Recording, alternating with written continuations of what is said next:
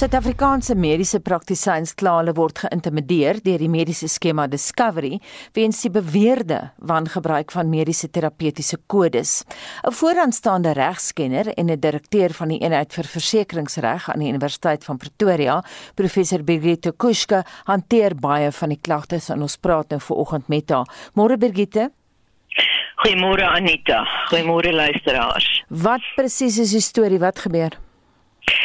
Anita net kortliks, ehm um, baie professionele liggame onder andere die van die voedkundiges en die fisioterapeute en dis meer is genader deur hulle lede uh, met klagtes oor die behandeling wat hulle van sekere mediese fondse ontvang.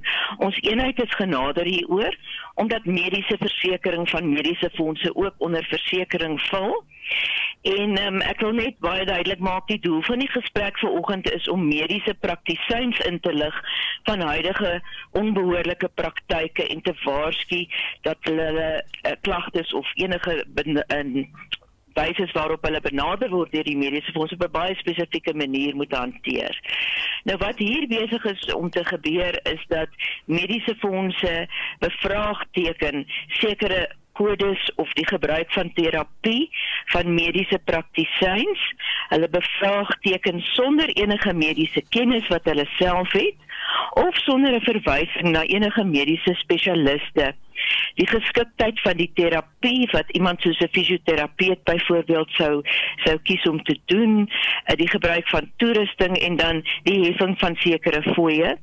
Ehm um, met die mediese fonds se se houding is die terapeut onder druk om 'n dikwels uh, geskikkings te bereik met die mediese fonds omdat dreigemente uitgereik word um, dat skuldvergelyking gaan plaasvind teen bedrae wat in die toekoms uh, betaalbaar word en dies meer. Birgitte, is daar meer as een mediese fonds wat hierby betrokke is of is dit net Discovery soos uh, ons het baie klagtes daaroor ontvang? Op hierdie stadium is dit leidende mediese fondse, maar dit is spesifiek Discovery wat weer eens begin het met 'n proses wat reeds in 2017 aangespreek is deur die Health Professions Council of South Africa, saam met verskeie professionele liggame en verdoem is as 'n praktyk wat hulle ehm um, verbode wat hulle as verbode beskou. In 2017 en 2018 was daar lang vergaderings, daar was uh, etlike gevalle wat deursoek ons ondersoek is en deurgewerk is en dit is dus deur die professionele liggame en deur die HSPCA bevind as onreëlmatig en um, mediese fondse is gevra om dit te staak. Dit lyk egter nou asof na Covid, miskien is daar finansiële druk, mense sal nie weet nie hierdie weer opgevlam het. Mediese praktisyns word genader deur mediese fondse en gevra om 'n vergadering te hou oor die gebruik van kodes. Dit draai dikwels suur die mediese praktisyn word beskuldig van die valse gebruik van kodes en dan word daar gesê dat uh, die die die voordele van die pasiënte gestaak sou word of die mediese praktyk se volgende betaling teruggehou sal word of geld van 2018 2019 wat lankal reeds uitbetaal goedgekeur is deur die mediese fonds weer herverhaal gaan word. Ehm um, dit is dus 'n uh, 'n praktyk wat nou skielik weer opgevlam het en dit is vir ons baie baie bekommerenswaardig. Nou wil ek baie graag uh, hierdie volgende belangrike punt deel veral met ons mediese praktisyns en ons praat nie nou net met die dokters spesialiste nie ons praat ook met die mediese praktyke soos die fisio's, uh, die biokinetici en dis meer. Die mediese fonds het in 'n vergadering nou aangedring om onmiddellik die persoonlike kliniese notas van die pasiënt wat op leer is vir die praktisyn te ontvang sonder dat die pasiënt uitdruklik kennis daartoe gegee het. By weiering om dit te lewer, begin die dreigemente en ons is bewus van die mediese praktisyns wat skikkingsooreenkomste uit pure vrees en onkundigheid geteken het. Ehm um, vir R50000, R100000, R150000. So 'n baie groot bedrag wat hulle uit hulle uitgeboelie word. Um, sonder dat dit regmatig gedoen word. Nou Birgitte, ek verstaan daar is al verskeie formele klagte ingedien vir hofinterdikte teen Discovery deur mediese praktisyns, maar ook en dit is belangrik die verteenwoordigende liggame en jy het meer inligting daaroor. Ja, daar is verskeie prokureurs in die land wat alreeds ehm um, interdikte aangevra teen Discovery ten aansien van die skuld ehm um, afsetting, die skuldvergelyking wat hulle gebruik om die geld te probeer kry. Die Engelse woord van wat tans hier gebeur is clawback, om met jou kloue terug te gryp. Ehm um, na bedrae wat in die verlede betaalbaar is en dan dreigemente van skuldvergelyking uh van 'n ongelikwideerde skuld wat hulle beweer hulle mag eis fooie wat hulle glo hulle mag terug eis wat hulle nie kan nie.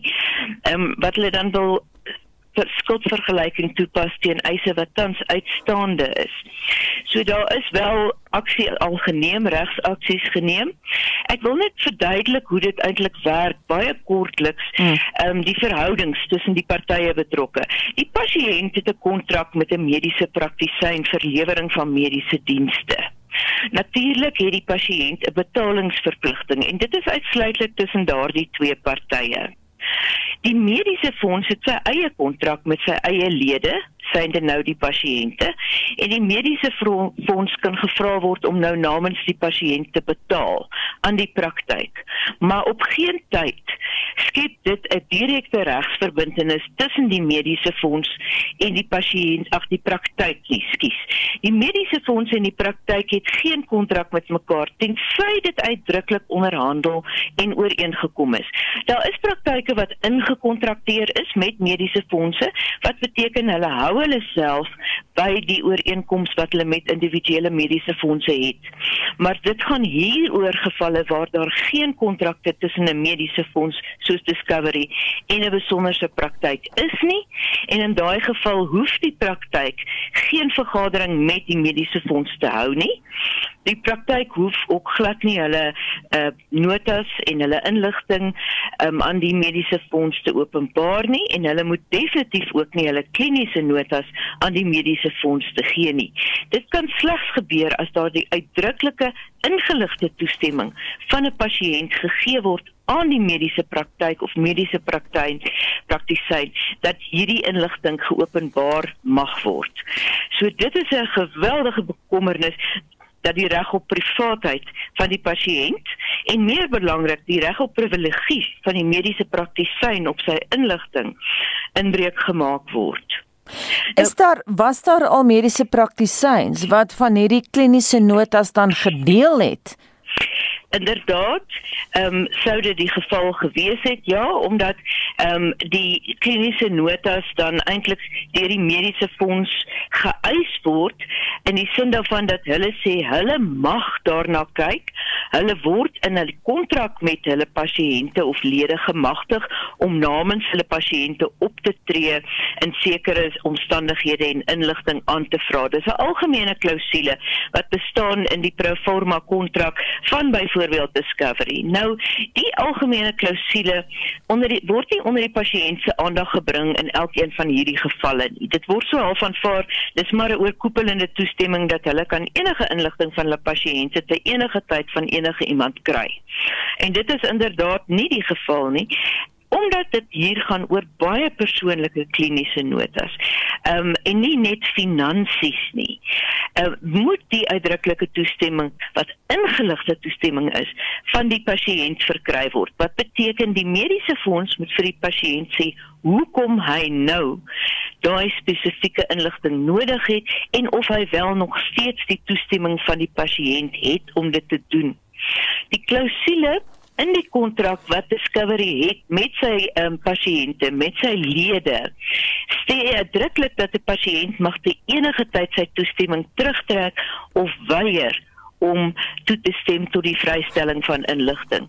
En dit is juist hierom dat ons vir die praktisyn sê ons moet seker maak die pasiënt gee 'n nuwe huidig geldende ingeligte toestemming vir hierdie kliniese inligting om geopenbaar te word sou die pasiënt voel hy dink dit is nodig dat sy mediese fonds dit weet. Nou dink jy die pasiënt sou byvoorbeeld dan vir discovery kan hof toe vat as hulle druk op 'n dokter plaas om kliniese notas aan hulle te verskaf want die pasiënt gee nie toestemming nie. Sou daar 'n saak uit te maak wees vir daai pasiënte wat sê, "Haai, okay, dis my privaatheid wat hier op die spel is." Ja nee natuurlik. Kyk, dis eintlik die pasiënt wat moet kla oor die feit dat hy dalk te veel gehef is. Die fooie was te hoog vir iets. Die pasiënt is die persoon wat klagtes teen 'n praktisyn kan inbring, nie 'n mediese fonds nie. So wat gebeur is die pasiënt um, word nie eers gekontak nie. Die pasiënt weet nie eers dat daar 'n sogenaamde ondersoek is van sekere kodes waarvan hy ook ehm um, die voordeel van getrek is, die behandeling wat hy wel gekry het. Hy word glad nie in kennis gestel nie.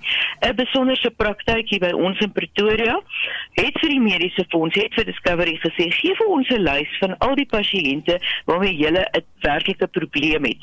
Ons wil 'n gespesialiseerde opinie daarop kry. Voor ons enigsins kyk daarna na enige eise wat jy wil instel dat jy beweer dat daar te veel geld betaal word um, aan die praktyk of dat die praktyk onreëlmatig uh, fooie het. En ehm um, die die uh, uh, mediese fonds het toe na die vergadering duisende leernommers deurgestuur. Dit is omtrent elke pasiënt wat nog ooit deur 'n baie groot praktyk met meerdere fisioterapeute gesien is. Ehm um, meeste van hulle kliënte is deurgestuur. Ehm um, die praktyk kan nie elkeen van hulle kontak en vra vir uitdruklike toestemming nie. Dit was 'n kwaadwillige optrede aan die kant van die mediese fonds om die poging om so 'n situasie by te lê in die wiele te ry. Mm -hmm. En dit is juist daardie houding van Discovery wat nou besig is om die professionele rade en die mediese um, praktyke baie baie moeg te maak.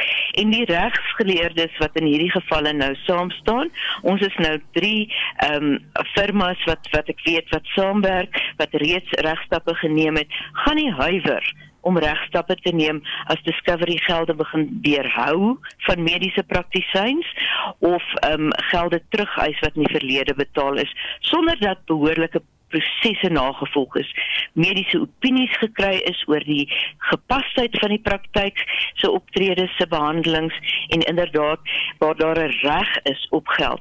Ehm um, jy kan nie geld eis voor jy nie 'n eis het wat vas en seker is nie. Ek wil net een punt uh, baie duidelik maak. Daar is 'n sekere stel kode fooie reëls. Dit staan bekend as die National Reference Price List for Services in NRPLS uh, van 2006 dit bevat slegs riglyne. En dit is riglyne wat mediese fondse kan gebruik sou hulle wou. Praktisyns kan gebruik sou hulle wou. Dit was 'n poging om 'n tipe standaard te skep van tariewe wat gehef kan word maar enige van die persone betrokke kan daarvan afwyk. Dit is nie bindende reëls nie en dit is 'n belangrike punt wat die mediese fondse en praktisyns in kennis moet neem. Daar is geen vaste bedrag nie. Daar is geen vaste terapie wat gegee moet of mag word nie. Dit bly binne die diskresie van die pas, uh, praktyk en van die mediese fonds. Baie dankie. Dit dan 'n direkteur van die eenheid vir versekeringsreg aan die Universiteit van Pretoria, professor Birgitte Kuske, monitor het Discovery genader vir hulle kommentaar, maar die maatskappy het nie teen spertyd 'n woordvoerder beskikbaar gehad om deel te neem aan die program nie. 'n Media woordvoerder van Discovery, Felicity Hudson, het egter beloof om na die aanteggings van professor Kuske te luister en kommentaar te lewer op 'n latere stadium. Dit bring ons by 724. Nou iets heel anders. Wetenskaplikes het die afgelope week bekend gemaak dat drie haaisoorte aan die Nieu-Seelandse ooskus in die donker gloei. Die haie is tot dusver die grootste gewervelde spesies in die oseaan wat oor die eienskap beskik. Die Two Oceans Aquarium in Kaapstad se woordvoerder, Renay Leoner, het aan Madeleine Forsie gesê: "Dis nie juis 'n verrassing dat ons nou eers die ontdekking maak nie." Ons weet wel van haie wat gloei in die donker. 'n Baie bekende spesies is die American pocket shark. Baie baie klein haaitjie, maar hy gloei baie oulik in die donker. Die ding met hierdie spesifieke ontdekking is dat die haie is groot. Een spesies kan tot 1.8 meter lank word. Dis langer as wat ek lank is. Ek dink die groot ding van hierdie hele ontdekking is ons weet eintlik so min. Ons het al meer mense na die maan toe gestuur as wat daar na die diepste gedeeltes van die oseane is. Weens die samestelling van die haie se vel word dan nou reeds 'n geruime tyd lank vermoed dat hulle in die donker kan gloei die, die haie se velle het klein orgaantjies wat jy kan basies kan sien en hulle word photophores genoem en in hierdie photophores is daar selle met die naam van photocytes en die photocytes gebruik ensieme om die lig te veroorsaak. So wat gebeur het is die navorsers het hierdie haie gesien, hulle het die photophores gesien en besef dat daar dit is moontlik dat hierdie haie kan gloei. Die feit dat hulle egter tussen 200 en 300 meter onder die water voorkom, het dit moeilik gemaak om te bewys. Die diepsee is 'n bietjie moeilik om te verken want jy moet in 'n duikboot gaan en daar's baie min van hierdie soort navorsingstegnieke en toerusting wat gebruik kan word. En natuurlik dis 'n baie gevaarlike plek om te wees as jy so diep is in die see. En as jy diere van daardie diepte af terugbring land toe om na hulle te kyk, dan moet jy hulle natuurlike omgewing kan namaak. Wat beteken jy het al daai druk nodig, jy het donkerte nodig, jy het die spesifieke hoeveelheid suurstof nodig. So dit is 'n omgewing wat moeilik is om op land na te maak. Die diere se gloeiende vel word hoofsaaklik op twee maniere veroorsaak. Hulle het 'n chemiese reaksie binne in hulle velle of hulle kan ander diere en plante eet wat gloei en dan wanneer hulle dit inneem, dan gebruik hulle hulle prooi se manier van gloei om self te gloei.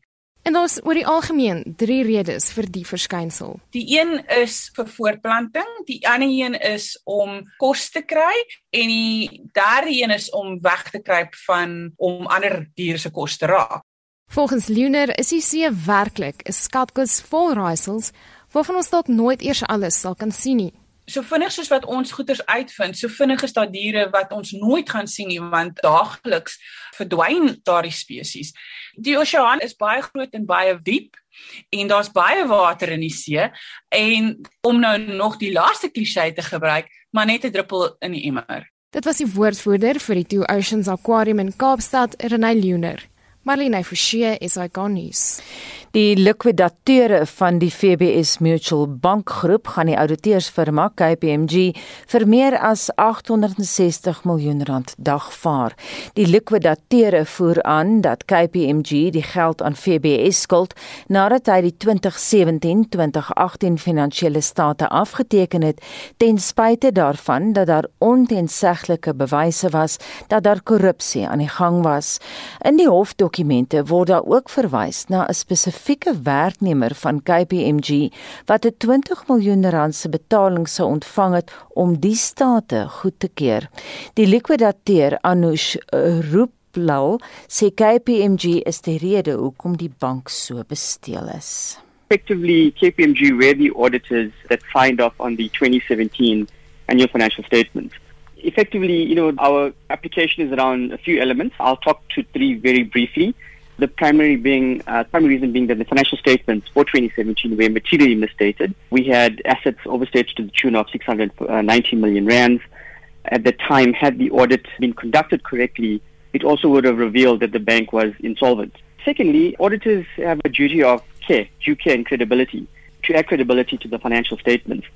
So, had the audit been performed correctly, the auditor is obliged to report irregularities to both the audit regulator, BA, as well as the Prudential Authority.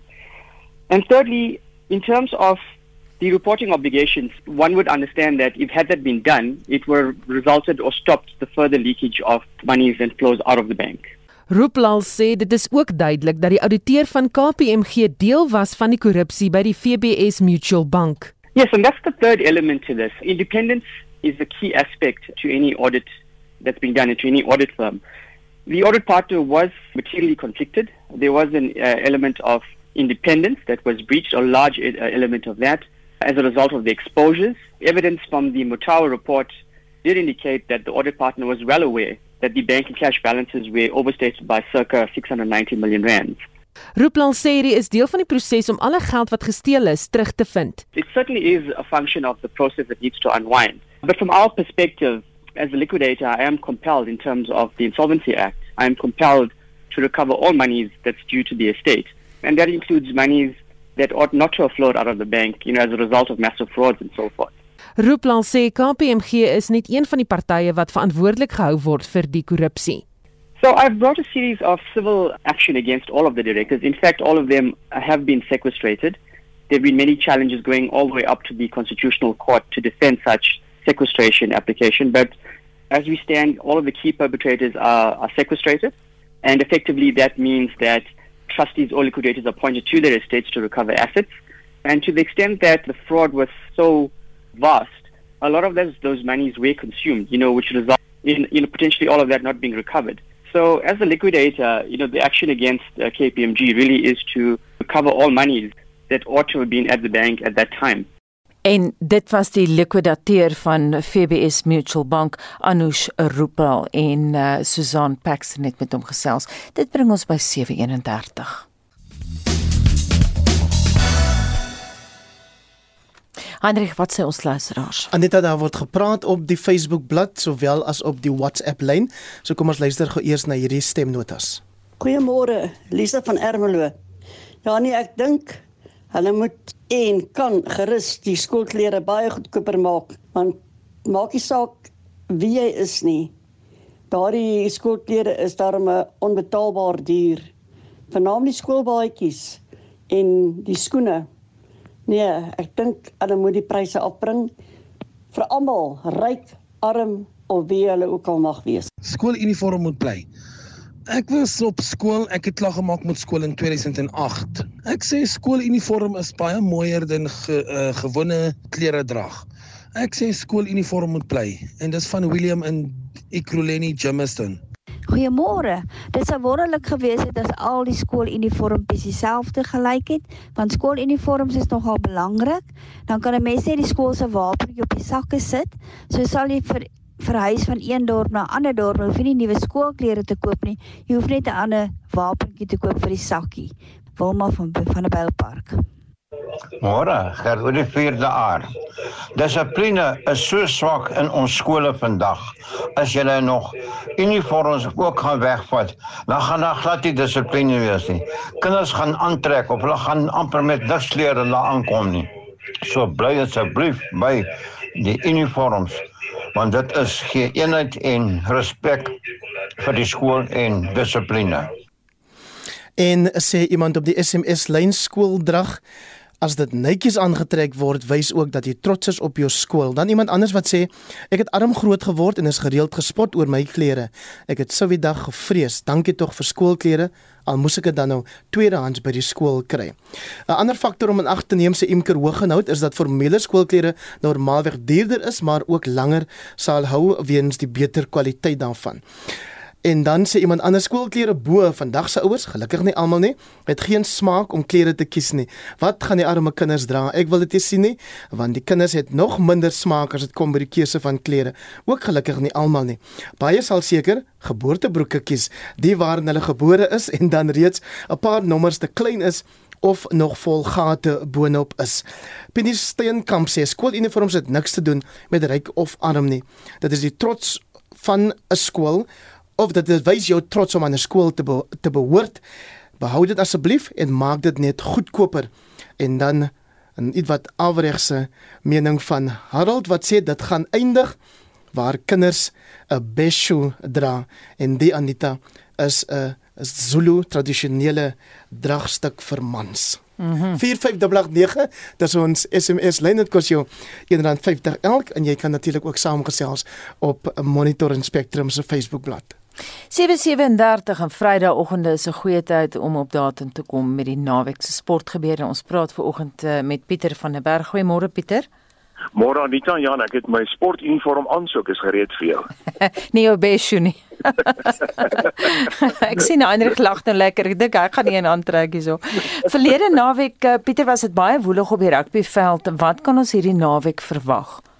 Ja, nie dan is so 'n bietjie rustiger weens die feit dat die wedstryde in die plaaslike voorbereidings rugby reeks eers weer geskeduleer is vir aanstaande Dinsdag en Woensdag. En daar's ook natuurlik nie ses nasies aksies die uh, naweek nie. Vanoggend in die Seelandse Autoria reeks is dit die Chiefs en die Highlanders wat mekaar pak om 5 minute oor 8 vanoggend in Australië se eie Super Rugby reeks. Speel die Waratahs vanoggend om kwart voor 11 teen Western Force, dan môre in Australië is die Brumbies teen die Rebels ook om kwart voor 11 en sonderdagoggend sommer vroegoggend om 25 minute voor 6 Suid-Afrikaanse tyd is dit die Crusaders en die Hurricanes wat mekaar takel. En in Europa word daar verskeie klubwedstryde in die top 14, die Pro 14, asook in die Premier League in Brittanje gespeel. En dan moet ons ook net noem wat die Sevens rugby betref van net 'n goeie nuus vir Suid-Afrika die week gekry. Daar die wêreldreeks uh, gaan weliswaar hierdie jaar hervat word, minder toernooie gespeel word, maar die finale toernooi sal in vroeg Desember in Kaapstad gespeel word. Kom ons kyk 'n bietjie na die naweek se T20 kompetisie wat begin. Ja, op die internasionale front is dit die eerste T20 tussen die Wes-Indiese eilande en Sri Lanka wat gister gespeel is. Die Windies het vir Sri Lanka daar met 4 paaltjies getop en in die wedstryd het Kieran Pollard het hy die derde speler in die geskiedenis geword om 6 sesse in een balbeurt te moker. Dan speel Indië teen Engeland, dis hulle vierde toets wat gister in Ahmedabad begin het en dis Engeland wat net 205 in hulle eerste beurt kon aanteken. Indië was gister op 24 vir 1 aan die einde van die dag en die so rukkie gelede het hulle gestaan op 49 vir 3. Dit beteken dat Indië nog 156 lopies agter is op die eerste beurt. Dan moet ons ook noem dat uh, Themba Bavuma en Dean Elgar as die nuwe kaptein van die Proteas aangewys is. Bavuma gaan die T20 asook die eendag kriketspan aanvoer en Elgar sal natuurlik die uh, kaptein wees in die toetse. En dan vandag is daar 'n paar wedstryde wat gespeel word. Ons kyk onder meer na die 4de T20 tussen Nieu-Seeland en Australië wat 8:00 Suid-Afrikaanse tyd vanoggend begin. Môre is dit die West uh, Wes-Indiese eilande wat speel teen Sri Lanka en dan Sondag die 5de T20 teen tussen Nieu-Seeland en Australië. En dan moet ons net noem dat uh, daar begin natuurlik ook eerskomende Sondag die plaaslike vierdag reeks weer in Suid-Afrika.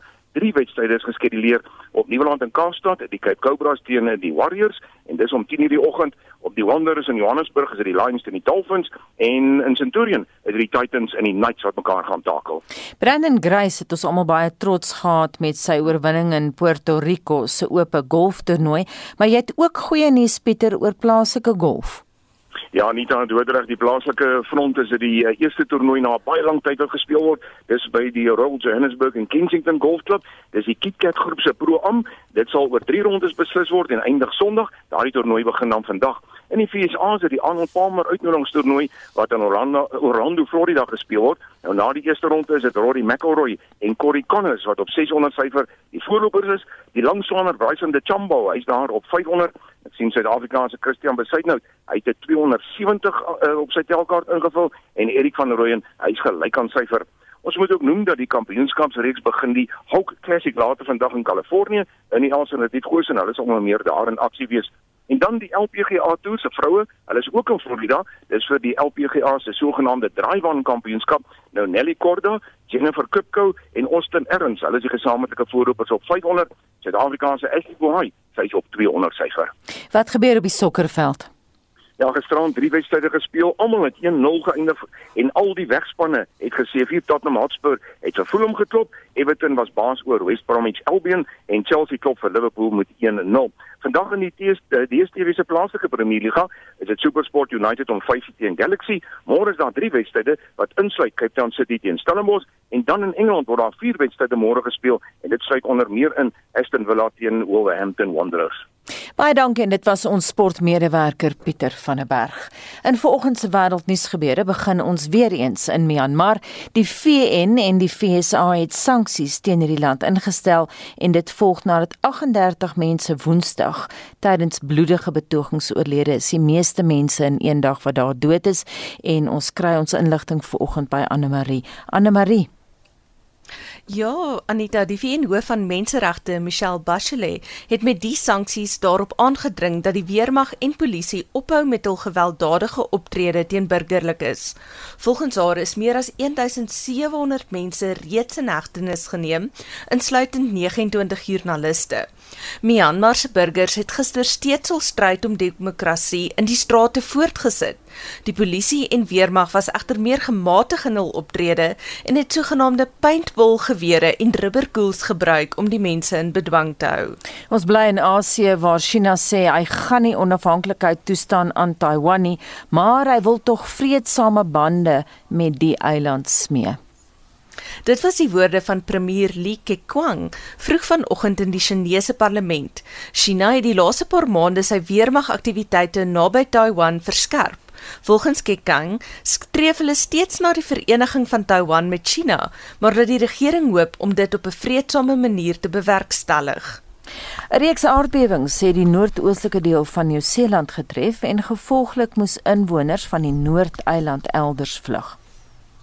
Kenners het het 'n waarskuwing uitgereik dat daar 'n kans is dat 'n tsunami met golwe van sowat 3 meter bokant die vlak van Hoëgety kan voorkom en daarom het die ontruiming plaasgevind. 'n Aardbewing wat 8,1 op die Richterskaal lees, het wel die gebied getref en hoë golwe het die hawe oorspoel. Volgens Nieu-Seeland se nasionale noodbestuursagentskap is die bedreiging verby.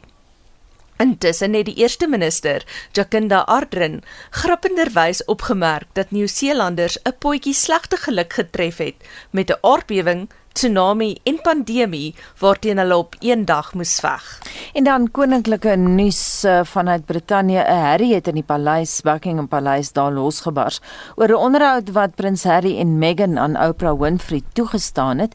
Die prins en die hertogin van Sussex woon mos nou deesdae in Kalifornië.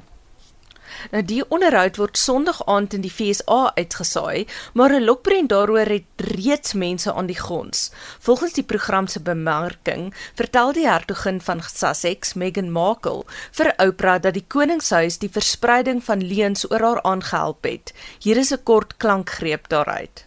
How do you feel about the palace hearing you speak your truth today? I don't know how they could expect that after all of this time, we would still just be silent if there is an active role that the firm is playing in perpetuating falsehoods about us. And if that comes with risk of losing things, I mean, I there's a lot that's been lost already. Oprah se program volg 'n paar dae nadat die Brits-Amerikaanse komediant en aanbieder James Corden 'n onderhoud met prins Harry gevoer het. In hierdie insetsel vra Corden direk aan Harry hoekom hy sy rug op die koningshuis gedraai het. Volgens Harry kan hy liefdadigheidsdiens doen waar ook al hy bly. My life is always going to be about public service and Megan signed up to that, and the two of us enjoy doing that. Trying to bring some compassion and trying to make people happy and trying to change the world in any small way that we can. It's such a monumental decision to have walked away from the royal family. Why did you feel that that was necessary for you and your family? It was never it was never walking away. It was stepping back rather than stepping down. We all know what the British press can be like, and it was destroying my mental health. I was Really? like, this is toxic. So I did what any husband and what any father would do is I need to get my family out of here. But we never walked away. And as far as I'm concerned, whatever decisions are made on that side, I will never walk away. Buckingham Paleis het intussen aangekondig dat hulle gerugte ondersoek dat Meghan Kensington se paleispersoneel geboelie het terwyl hulle daar gewoon het. Ontleeders wonder ook hardop of die onderhoud dalk uitgestel gaan word weens simpatie vir Harry se oupa, Prins Philip, wat 'n paar dae in die hospitaal deurbring nadat hy 'n hartomleidingsoperasie gehad het. En dit was Anne-Marie Jansen van Vuren met 'n kort oorsig van wêreldnuus gebeure. Leon van Heerop praat oor 'n rolprent vanoggend met 'n skokkende kinkel in die kabel. Dit is nou The Little Things en dit is in sy weeklikse fliekrubriek. Ek weet die titel klink nie na iets wat jou na jou motorsleutel sal laat soek nie. The Little Things. Maar soos met I Care a Lot en selfs Knives Out, lê die grootste juwele dikwels opgesluit in die eenvoudigste titels waarvan mens min verwag. The Little Things se titel is misleidend eenvoudig en niksegend, want dit gee nie enige aanduiding van waaroor dit regtig gaan nie, maar jy sal jou misgis. Goed, As ek sê dis weer 'n reeks moordenaar film, dink jy seker ag net nie nog een nie. Ek ken die resep al uit my kop uit. Nou dat mens rolprente kan stroom is daar net te veel soortgelyk is. Maar The Little Things is so donker soos 'n treintonnel waar daar geen treine aankom nie. En as hy die slag aankom, trap hy jou dood. Denzel Washington en uitmuntende Rami Malek ondersoek 'n reeks moordenaarsaak. Die polisie is al so gewoond aan slagters van die mensdom dat hierdie man net nog 'n saak is, maar hulle misgis hulle. Soos David Fincher se Seven delf The Little Things tot op die diepste vlak van sielkundige terrorisme en geestelike anargie, waansin en grillerige karakters. Want die moordenaar is gevaarliker en sluier as enigiemand wat jy in onlangse thrillers gesien het. Om die waarheid te sê, The Little Things is een van die jaar se mees verrassende, onderskatte top flicks.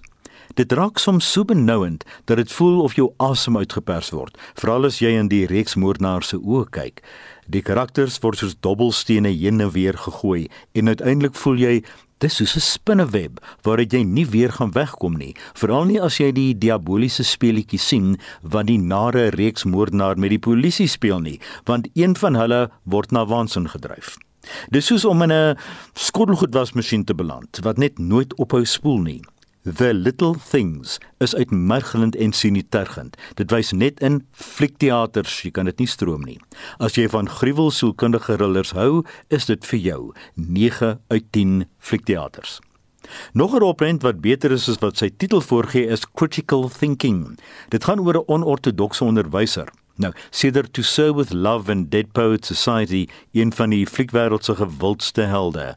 Soos maar in die soort films gebeur, beland 'n goeie onderwyser met 'n los lyf en 'n oop kop, gespeel deur John Leguizamo in die geval, by 'n skool vir probleemkinders, maar hy gebruik skaak om hulle te verander en hul denke te suiwer, ook om hul koppe wat misdaad se kant toe staan besig te hou. Skaak as onderwysmiddel en afleier is hierdie tema.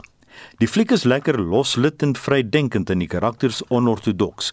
Moet dus nie The Queen's Gambit verwag nie. Terloops as jy laasgenoemde nog nie op Netflix gesien het nie, waarvoor wag jy? The Queen's Gambit.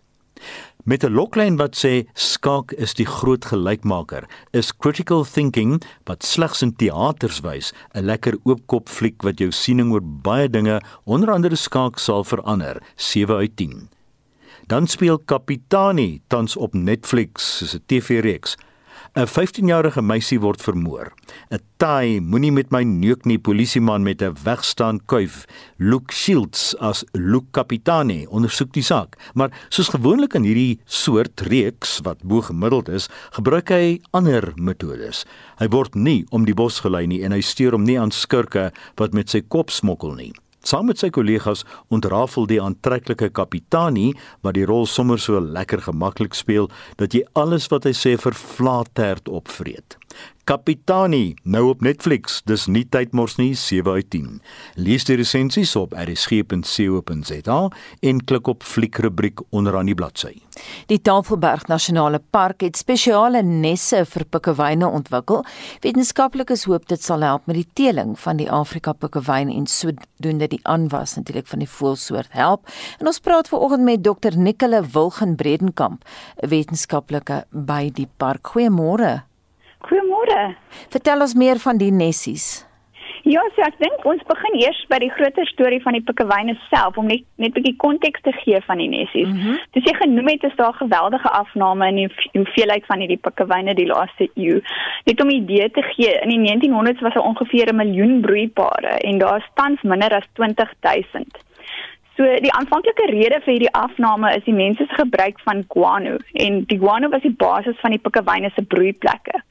So neste wat in guano gegrawe is, bied baie beskerming teen reën, teen hitte, koue, roofdiere en sakkie somme in mekaar nie. Nou moet hierdie arme voëls op die oop grond eiers lê of in die onstabiele sand probeer neste grawe. So hulle het ook baie nuwe probleme. Hulle kompeteer nou met die visserybedryf vir kos en die toename in ekstreme weer soos ook nou vroeër genoem het met hierdie tsunamies en goed, is 'n gevaar vir eiersneste en die klein pikkewyne so tydens 'n hittegolf of of so iets moet die kuikens um, of die volwassenes die kuikens verlaat om die water in te gaan um, om af te koel en dan sit die kuikens en die eiers op die op die sand in die hitte. Ehm um, so hulle het al lankal nesbokse gemaak. Ehm um, en hulle was baie effektief teen roofdiere om te te beskerm daarteen, maar hulle het te warm geword. So in die nuwe nesbokse wat ons nou installeer het. Ons het ehm um, die week 5 of nie die week nie in die afgelope paar weke ehm um, 50 nuwe nesbokse installeer en hulle is spesifiek ontwerp ehm um, gebaseer op hoe ons wat wat ons weet van die guano neste. So daar was samewerking van klomp organisasies ehm um, om omgewingsvriendelike materiaal te gebruik om om hierdie nuwe neste te maak. Hulle het ook ventilasiegate, hulle probeer beter die temperatuur reguleer. Ehm um, en nou het ons ook 'n navorsingsprojek saam met die installasie van hierdie nesbokse. Ehm um, ons probeer kyk na die temperatuurverskillende in die verskillende tipe nesbokse wat wat al gemaak is en dan kyk ons ook ehm um, veral in Boulders waar waar ons werk is daar verskeidenheid klimate amper in die verskillende dele van die van die kolonie. So ons mm. kyk ook hoe verskil dit. Skus, ek praat nou baie, ek weet nie of jy ander vrae het nie. Ehm um, ja, maar ons beplan nou om saam met die temperatuurmetings wat ons neem, ander weermetings ehm um, in te span om 'n vroeë waarskuwingsstelsel te ontwikkel vir storms en hittegolwe, mm -hmm. want ehm um, die die manier wat hulle die kolonie tans bestuur is as hulle omdat daar nou so min pikkewyne is, tel elke individu. So as hulle 'n siek pikkewyn sien of 'n eiertjie wat net op die strand gelos is of so, dan werk Sandparke saam met Sandcob in die stad Kaapstad en Sandcob sal die, die kleintjies of die eiers of die siek voels kom haal mm. en dan maak hulle dit met die hand groot. So as ons nou 'n vroeë waarskuwingsstelsel kan ehm um, implementeer, dan kan ons proaktief hierdie verwydering van kuikens en eiers ehm um, uh, ja, moontlik maak. So By dit, Ja. Nicola ons sal daar moet haltroep. Baie dankie dit aan Dr Nicola Wilgen Bredenkamp en sy se wetenskaplik by wetenskaplike by die Tafelberg Nasionale Park. In sy gebruikelike woordrubriek praat die hoofredakteur en uitvoerende direkteur van die Woordeboek van die Afrikaanse taal, Dr Willem Botha vanoggend oor die uitdrukking vat jou goed en trek. Om te verhuis in die inperkingstyd kan stresvol wees, veral as jy dit met kinders en troeteldiere doen. In 'n artikel in die Burger oor so 'n trekkery met die opskrif vat jou goed en trek, word ook aandag gegee aan maniere om die angs van trek vir troeteldiere te verminder. Veral katte word baie gespanne en moet die eerste 2 weke binne die nuwe blyplek gehou word. Die eerste paar dae moet hulle in een kamer gehou word en daarna eers toegang tot die res van die huis kry. Wanneer hulle uiteindelik uitgelaat word, moet hulle fyn dop gehou word dat hulle nie na die ou verblyf probeer terugkeer of net eenvoudig wegloop nie. Vat jou goed en trek Ferreira Sy herkoms word uiteengesit in die boervrou van Oktober 1926. 'n Ryk boer van Somerset Oos, ene meneer van Aart, se buurman was 'n Ferreira. Die welgestelde van Aart koop toe Hoepelbeen Ferreira se plaas, maar hy kon hom nie so ver kry om die plaas te verlaat nie. Dit was later die grap van die buurt en 'n verleentheid vir die nuwe eienaar van die plaas. Van Aart se dogter, Ada en Annie Maloney, 'n begaafde klavierspeler wat tydelik by die Van Aarts gewoon het, het toe 'n plan gemaak. Ada het die woorde van "Vat jou goed en trek Ferreira" geskryf en Annie het dit getoonset. Toe nooi hulle die hele buurt na 'n dans en Ferreira was ook daar. Mevrou Maloney het die liedjie gesing en naderhand het al die gaste lustig saamgesing wel wetende waarop dit sin speel. Hoepelbeen Ferreira was woedend en het die dans verlaat. Die volgende dag het Ferreira inderhaas van die plaas pad gegee, daartoe gedwing deur die liedjie waarin sy naam vir ewig was. Baie lekker storie daar wat Dr Willem Botha vertel. Hy is die hoofredakteur en uitvoerende direkteur van die Woordeboek van die Afrikaanse taal. En as jy 'n woord wil borg of koop, besoek www.wat.co.za of gaan na of Google eenvoudig borg 'n woord. 757 en onthou om Sondag aand om 8 moet jy inskakel. Vir kommentaar en uh, Heinrich sit nou juis hier voor my vanoggend. Die paneel hierdie week Heinrich is uh, eh, JP Landman en dan uh, Erwe professor Erwin Swela en die joernalis Christel Odison. Dis kommentaar om 8 hierdie sonnige aand met kollega Hendrik Weingart. Hy sit nou juis voor my, hy dra meer as een hoed, né? Wat sê ons luisteraars, jy hanteer ons SMS navrae vanoggend. Anita, ja, die oor skoolklere en ek is seker ons sal ook die kwessie sonderdag aan op kommentaar bespreek. Hier is 'n boodskap van Ansie Wessels wat sê skooldrag moet bly, maar moet meer prakties wees.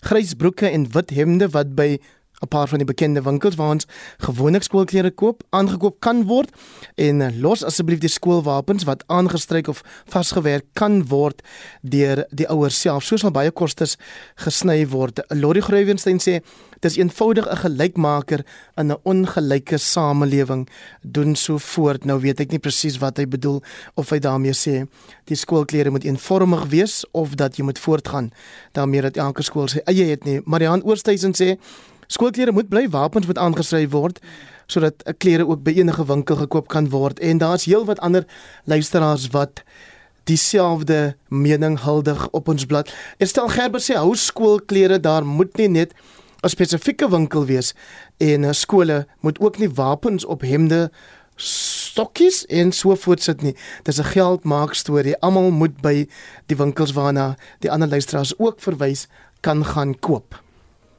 Nou moet ek eers net vir jou vra Hendrik, wat sê die meerderheid? Is hulle ten gunste of daarteen? Ek kon nie lekker Eh, agterkom nie. Dit lyk vir my dis so min of meer 50-50 aan dit tussen mense wat sê Ja. net dit moet skoolklere wees, Ah. maar nie noodwendig die dat elke skool sy eie het en dit jou 'n klomp geld kos nie. Baie dankie dit aan Hendrik en van Hendrik gaan ons na Anne Marie. Anne Marie, hoe lyk Spectrum se dagboek vandag? Die hoofregter Mogoeng Mogoeng word opdrag gegee om om verskoning te vra vir sy pro-Israeli uitlating. Ons kry reaksie en vind uit presies wat dit beteken. En die drukgroep 1 Billion Rising hou vandag 'n betoging in Pretoria teen geweld teen vroue en kinders. Vandag se betoging gaan veral oor die slegte behandeling wat vroue volgens hulle by polisiestasies kry en die eerste bedrogklagtes teen die oud Steinhof baas Marcus Jooste word geformuleer. Laaste woord vir oggend hier uh, by Monitor uh, aan Anne Marie en dan groet ons namens die Monitor redaksie en namens ons redakteur vir oggend Hendrik Martin. Ons produksieregisseur was Daitron Godfrey. My naam is Anita Visser.